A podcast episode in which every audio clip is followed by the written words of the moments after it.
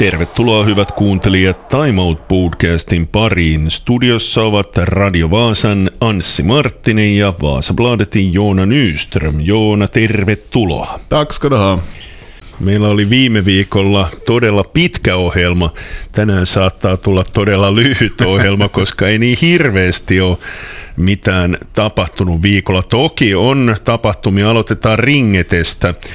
Naiset ottivat maailman mestaruuden. Ringet aika mielenkiintoinen laji, kun ajattelee, että pelataan suoraa loppuottelu Kanadaa vastaan ja siinäkin Suomi oli täysin ylivoimainen. Ja oliko se niin, että USA on maailman kolmanneksi paras maa ja Suomen 20-vuotiaat voitti jotain tyyliä 10-1 tai vastaavaa. Eli onko järkeä pelata ringeten maailmanmestaruudesta?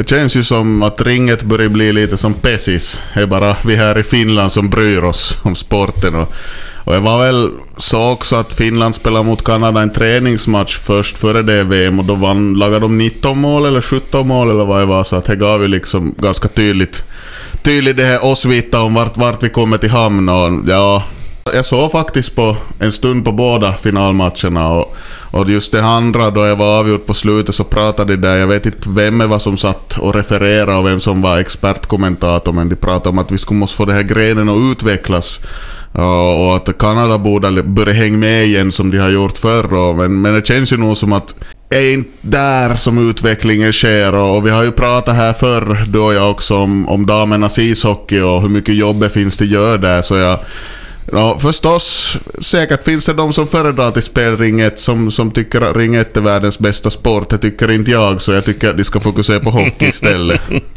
Joo, Susanna Tapani eli Suomen lätkämaajoukkueenkin runkopelaajia oli siellä täysin ylivoimainen, mutta täytyy sanoa, että ne muutamat maalit, mitä mä näin, niin muun muassa Susanna Tapanilta, niin kyllä siellä niinku pistettiin täysin solmuun Kanadan pelaajia.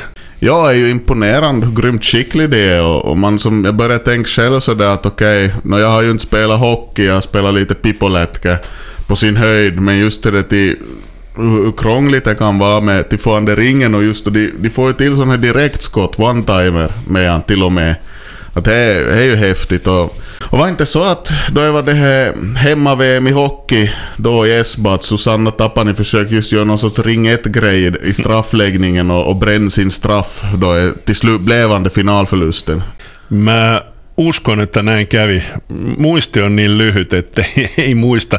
Siirrytään hei ringetestä salibändiin. Jos äh, ringetessä on se ongelma, että ei ole tarpeeksi oikein joukkueita, niin salibändissä mennään ehkä vähän parempaan suuntaan. Eli ennen vanha oli vain Suomi ja Ruotsi, ja melkein pystyi ennen kisoja sanomaan, että nämä kaksi joukkuetta on finaalissa. Nyt Suomi hävisi Sveitsille runkosarjan otteluun. Taso salibändissä nousee muissakin maissa. Ja, och det var roligt att se. Jag hann se en snutt av den här matchen. Att de spelar väl i Schweiz nu VM och det var ju helt fullt hus. Det var jättebra stämning i den här matchen och, och, och Schweiz tycker jag spelar ett sådär ganska inspirerat aggressivt spel. De högg så fort de fick chansen och de, de jobbade stenhårt i försvaret och tog bort ytorna. Man har sett Finland förstås jätteskickliga spelare. De har de har spelare som har spelat ihop länge i klubblagen och de har ett väldigt rappt passningsspel. Då i vilse, men Schweiz tog bort ytorna där och det känns som på riktigt nog nu, speciellt just då man har sett den här matchen som Finland förlorat, att, att det är någonting på gång, att det börjar, det börjar komma bredd i och förstås innebandy på det viset är ju en tacksam gren för, för massorna. Det är en väldigt billig gren att utöva och förstås det är ju mycket kamp om de här halvtiderna om vintrarna, det vet vi till exempel här i Vasa, men på det viset är det ju en bra sport. Sitten siirrytään salibändistä jääkiekkoon ja Sport pelasi kaksi ottelua Porissa hieman selkeämpi tappio ja sitten Tapparaa vastaan niukkaakin niukempi tappio. Kerropa, mistä johtuivat nämä tappiot? Jag började, när jag satt och såg på den här S1-matchen och tredje perioden så började jag tänka på hur det låter om du trampar på is och det börjar knaka under foten, den känslan. Eller då du är ute och kör bilen och så börjar skrambel någonstans under huvudet och du vet inte alls vad det handlar om men det känns inte bra att lite såna vibbar fick jag av tredje perioden mot S då i Björneborg. Sport började ta jätte onödiga utvisningar, här var grinigt på isen och sen då man låg under med 4-2 och fick ett powerplay mot slutet var det knappt tre minuter kvar så tar man varken en timeout eller plockar upp målvakterna. Så jättemärkligt agerande av laget och liksom man börjar få den känslan att nu håller det på att spricka allting, att nu rasar det ihop men då tycker jag att det ändå lyft sig ganska bra till Tappara-matchen. Det var som Risto Duva påpekade där och att då Sport satt sig i bussen i Björneborg och skulle köra hemåt så var Tappara redan i Vasa. och Tappara körde här amujät morgonträning i Vasa allting. De var väl förberedda till matchen men det blev ju ganska tight. Ollaanko liikaa yhden ketjun varassa? No, då ville ju se så ut att vi har haft några matcher här och där där produktionerna fördelades till exempel förra veckan mot, mot Ilves då backarna gjorde mål och, och sådär, men att nu är det ju ändå man märker ju nog att de motståndarna lyckas ta bort det här och inte lyckades de ju helt och hållet tappa med. Det var Simon Hjalmarsson som gjorde ett jättesnyggt mål där men då är gå till spel bort och motståndaren är tillräckligt bra på det så då lämnar inte kanske nödvändigtvis så mycket kvar. Mikä se oli se pistekeskiarvo, mistä Risto Duffa puhui ennen kauden alkuun? Paljonko se oli, mitä pitäisi? En halv. Joo, ja nyt ollaan yhden tahdissa, eli ei, ei oikein hyvältä näytä. 1,35 on tällä hetkellä HPKlla, joka on kymmenentenä, ja HPK on nyt ero jo seitsemän pistettä, eli kyllä nyt pitää suunnan kääntyä. Ja, absolut. De ligger jätte, jättelångt efter sitt mål och vi har ju en tredjedel av grundserien spelar nu i stora drag.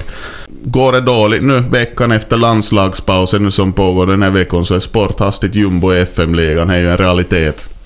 Joo, siinä taitaa olla Saipa pisteen päässä ja oliko Jyppikin? Jyppe där bakom en. Joo, kyllä, kyllä. Kuuntelet Time Out podcastia. Studiossa ovat Anssi Marttinen ja Joona Nyström. Kävimme hieman läpi pelaajapörssiä, JPYn pelaajapörssiä, mutta ei siellä nyt hirveästi ollut mitään sellaisia ihmepelaajia. Yritettiin etsiä, että onko joku VPSn pelaaja siellä listalla, mutta ei ollut. Ja, alltså det handlar ju om, om spelarfackets, det här egna lista dit, dit spelarna kan anmäla in sig då de är utan klubb. Och månne inte kanske dyker upp någon spelare ännu som har spelat i VPS den här säsongen på den här listan. Men som jag, som jag förstår när vi pratade med Jesper Engström här förra veckan så skulle laget ut på någon lommaresa tillsammans ut på, på kontinenten. Jag vet inte vart de skulle få. Så att de, de fokuserar väl på att ha semester nu först och så börjar man fundera på nästa säsong då efter det. Veikkausliigan sivuilla, kun lueskelen, niin täällä lukee, että Vepsulla selvät sävelet haluamme pelaajia, jotka taistelevat avauksen paikasta päivästä yksi alkaen. Ja olisihan se mun mielestä aika hölmöä ottaa sellaisia pelaajia, jotka ei avauspaikasta taistelisi.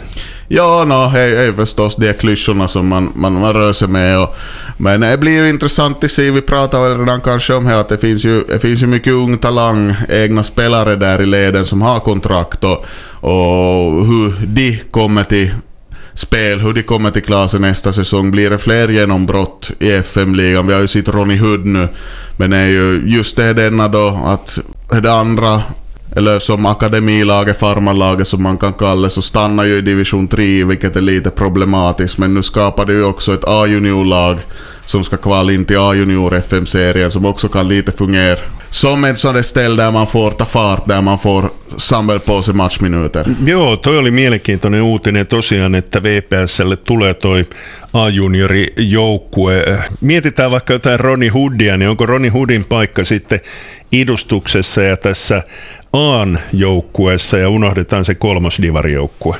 Är knepigt förstås. Att jag tror att det kan bli lite så cirkulation för att Ronny Hoods plats tycker jag är i FM-ligan. Han har visat att han håller där. Men, men blir det så att han behöver samla lite minuter så då kan det ju hända mitt i allt att A-juniorerna, om de tar sig till den här FM-serien, har en match i Helsingfors eller någonstans långt bort medan akademilaget spelar i Vasa. Så då är det ju att va- var får man då ta fart? Men Ronny Hood tycker jag absolut ännu mer minuter i ligan bara. Han har visat att han håller. Mun täytyy rehellisesti sanoa, että mä oon pikkusen pihalla tuosta A-junioreiden sarjasta. Ketkä siellä hallitsevat ja onko täältä Pohjanmaalta minkälaisia joukkueita ja mi- miten Vepsun mahdollisuudet? Nej, beror ju förstås helt på hur de bygger ihop det laget. Det har ju visat i, på, i B Junior FM-serien slutade fjärde eller femte i år.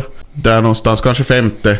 Att de håller ganska hög nationell nivå, de kan utmana de här bästa lagen som då ofta kommer från södra Finland förstås. Att det är ju HIK här, det finns Kappa där och det finns Honkas Akademi och vad det nu finns. Så som jag har sett ut förr och som jag antar att det ser ut nu i fortsättningen och så spelar man ju ett kval först tidigt eller på vår sidan och, och sen kommer det här själva FM-serien då, så att först gäller det klara det kvalet då, men jag tycker det känns ju nog som att VPS ska klara av det med tanke på den här bredden som man har jobbat upp på juniorsidan. Puhutaan sitten muista joukkueista ja ehkä liigan parhaasta hyökkääjästä. Lee Irvin ja hänen tuleva seura on kyllä melkoinen paukku. En olisi ikinä uskonut, että Lee Irvin siirtyy Libanonin pääsarjaan. Ja, nu minns jag inte vad det här laget heter. Al-Ahed FC. Al-Ahed. Erittäin tunnettu seura. Ja, no, det var just det jag tänkte kom till. Att det, är allt, det känns alltid skönt då man, då man följer idrott som en dåre och, och har lite för bra koll emellanåt på allt möjligt. Men så dyker upp ett lag som man aldrig har hört talas om. Det känns lite uppfriskande. Men ja, en märklig flytt. Alltså, de hade väl, vad, vad läste jag någonstans, att de hade vunnit nyligen Asiens motsvarighet till Europa League, alltså näst högsta då det här internationella klubblagsturneringen där borta. Men jag har ingen koll på att vad är för lönenivåer, vad håller spelet så det är allmänt för nivå.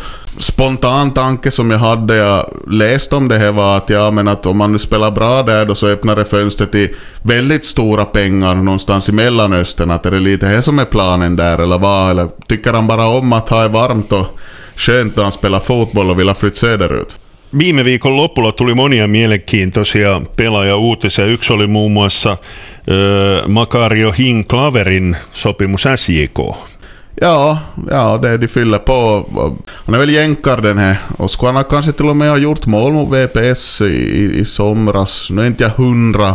Men en jättesnabb kantspelare där och, och sen får vi ju se vad de bygger på med mig. SJK har ju ryktats som att Jerry Voutilainen som tidigare spelade på VPS mittfält skulle vara på ingång till, till SJK. Han har ju spelat i, i Honka nu. AC Oulu on tehnyt paljon sopimuksia. Katoin, että siellä on muun muassa Yassin Dasu, tai mitenköhän tuo lausutaan, kuitenkin pelannut aikaisemmin tuolla Ekeneesissä ja sen lisäksi AC Ouluun on mennyt topparilupaus Iilis Taskila tuolta Rovaniemen palloseurasta ja sitten taisi olla Knistanista Roni Huhtala AC Oulu. Tietysti vähän tämmöisiä ehkä enemmän lupaavia kuin valmiita pelaajia. Ja, no, det tyder ju på att de litar på sin egna förmåga att förädla de här, de här spelarna. Och, och förstås tyder det ju också på här att AC Oulu hör ju inte till de allra resursstarkaste klubbarna i FM-ligan, så man får lite plock de här jokerkorten. Och, och lite kanske samma som VPS har gjort här om man tänker på vilka spelare som har klivit fram. Inte har ju varit några etablerade ligaspelare allihop inte. Så, men får man det att fungera och man har tillräckligt kompetent personal där bakom så går det. Och, så tycker jag att ett väldigt intressant kontrakt är ju Jesse Öst till HJK. Joo, kyllä, kyllä. Jopa mun mielestä pikkuinen yllätys. Ja, no, jag, jag vet inte. Kanske, men jag tycker nog också att, att Jesse Östan flyttade... var ju Jaro så till SJK. Nu har han ju varit en av ligans bästa målvakter. Kan man väl inte liksom bortse ifrån och är ju en... Han har ju ramarna för en målvakt, han är jättelång, har jättebra räckvidd och, och så det så att... HJK brukar ju dammsuga åt sig de bästa inhemska spelarna då de känner för det och nu, nu gjorde de det igen. Joo, ja tänään on ilmoitettu myös, puhuttiin tuosta AC Oulusta, että Maximus Tainio siirtyy myöskin AC Oulun riveihin. Hänkin on vielä nuori pelaaja, mutta pelannut myöskin maajoukkueessa. Nyt viimeksi pelasko HFK, se taisi olla sitä ennen Hakassa. Joo, joo. HFK flyttade över till och när HFKs säsong nu var ju vad han var så där, där var det väl svårt till, svårt till kom någonstans. Så jag har som något intryck av honom från den här säsongen överhuvudtaget. Men jag antar att hans tanke och säkert kanske Oulus tanke också är att han ska få en, en mycket större roll Onko HIFKssa sellaisia pelaajia, joita voisi ajatella vepsu? ja, de hade en väldigt bra målvakt tycker jag. Ramilsson, en brasse. Han gjorde jättebra matcher mot, mot VPS.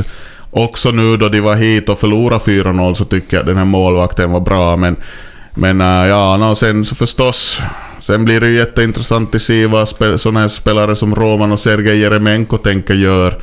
Lite fundera där att om Jaro på någon vänster skulle klara sig ända upp till FM-ligan nu följde ju ganska hårt istället mot, mot TPS, men då att skulle, skulle vi ha sett Roman tillbaka i Jakobstad då till exempel, att som det spekulationer, men nu har ju Jaro ett tufft läge då tränare Jimmy Varg meddelar att han inte fortsätter och VDn har tacka för sig, att de har jättestor ombyggnad där att de gör.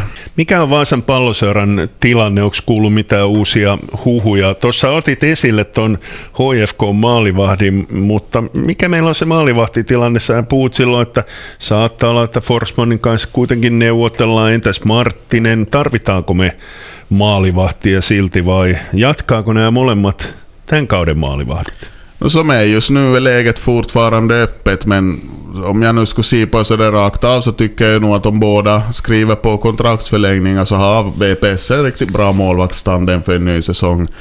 Uh, tycker jag visade, visade nog redan den här säsongen och det var ju synd med Teppo Martinens skada men han har jobbat på bra och, och, och rehabilitera och sådär så han ska väl nog vara i fullt slag då ifall han är här. Och no, är inte så länge kvar nu. De börjar ju försäsongs, första etappen av försäsongen strax i början av december, så snart börjar vi väl veta hur det ser ut. Mm, katsotaan mitä VPSn osalta tapahtuu. Jatketaan viikon kuluttua. Joona Nyström, kiitoksia. Tack, tack.